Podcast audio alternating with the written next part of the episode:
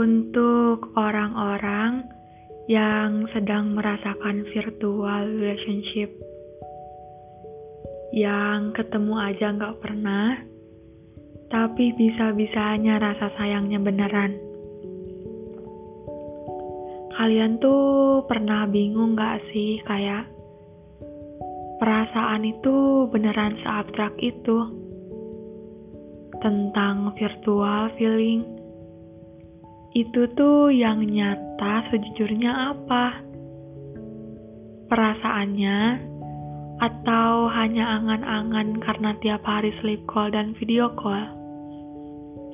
Karena zaman dulu rasanya terhubung sama orang entah berantai itu kayak hampir gak mungkin gak sih? Tapi sekarang Bahkan kita bisa percaya buat nitipin hati kita, buat nyimpen kepercayaan. Nih mulai sekarang aku percayain ke kamu buat jagain hati aku baik-baik ya. Bilang gitu padahal ketemu secara langsung aja pun belum pernah. Jujur, aku menulis naskah podcast ini dengan rasa sukacita sambil ketawain diri sendiri kayak ada rasa relatable gitu. Karena emang kalau diceritain tuh rasanya lucu aja, tapi pas ngerasain kayak percaya sendiri. Oh, ternyata virtual feeling itu beneran ada dan memang nyata. Mungkin kalau perasaan bisa memilih buat hari ini akan berlabuh kepada siapa, pasti nggak akan milih ke orang yang jauh. Karena buat apa? Ketemu nggak pernah, nengokin lagi sakit nggak pernah, makan bareng nggak pernah. Tapi sayangnya, perasaan itu nggak kayak gitu cara mainnya. Perasaan itu abstrak dan aku mengakuinya. Jadi inget, dulu sering ngetawain plankton di kartun SpongeBob, yang dia itu jatuh cinta sama komputer. Dan sekarang rata-rata kita semua pernah terjebak dalam hal itu. Gak usah malu, mengaku kalau kita semua pernah jatuh hati pada orang yang cuma bisa kita lihat di telepon genggam. Gak usah pura-pura gak tahu kalau kita juga pernah rela kecewa karena ngelihat dia bahagia di tempatnya. Sedangkan kita di rumah cuma bisa diem nunggu kabar dia doang. Gak usah juga pura-pura lupa kalau kita pernah sebutin nahan ngantuk biar tetap bisa nemenin dia ngerjain tugas meskipun masih di ruang virtual. Pernah sebutin itu sama orang yang gak pernah ketemu. Apalagi kalau menemukan orang yang tepat dalam jarak dekat. Bisa kebayang bucinnya melampaui apa.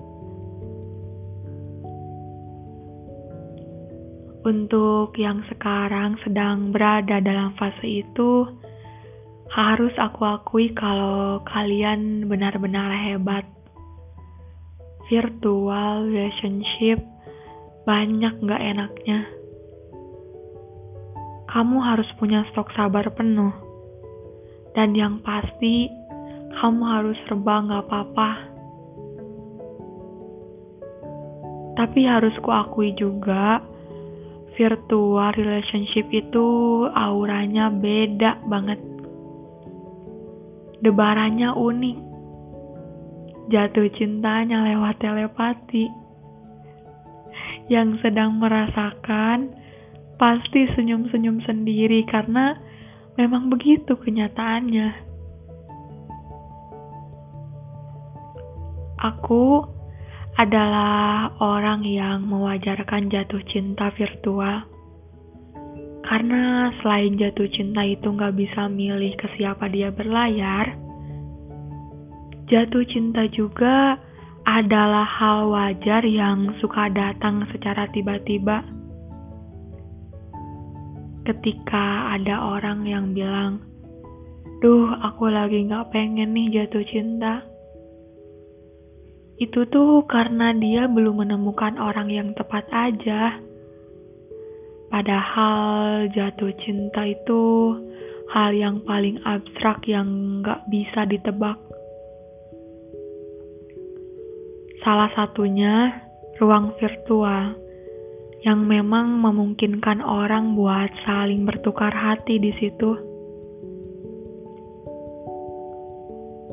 Aku mengakui kalau setiap manusia itu pasti menemukan satu waktu yang memang benar-benar sedang membutuhkan teman ceritanya. Dan gak semua orang di dunia nyata itu bisa untuk itu. Dan ketika ada orang di ruang virtual yang bisa memenuhi itu, bukan gak mungkin kalau itu tuh cinta. It makes sense. Jadi gak usah terlalu memalingkan perasaan meskipun virtual.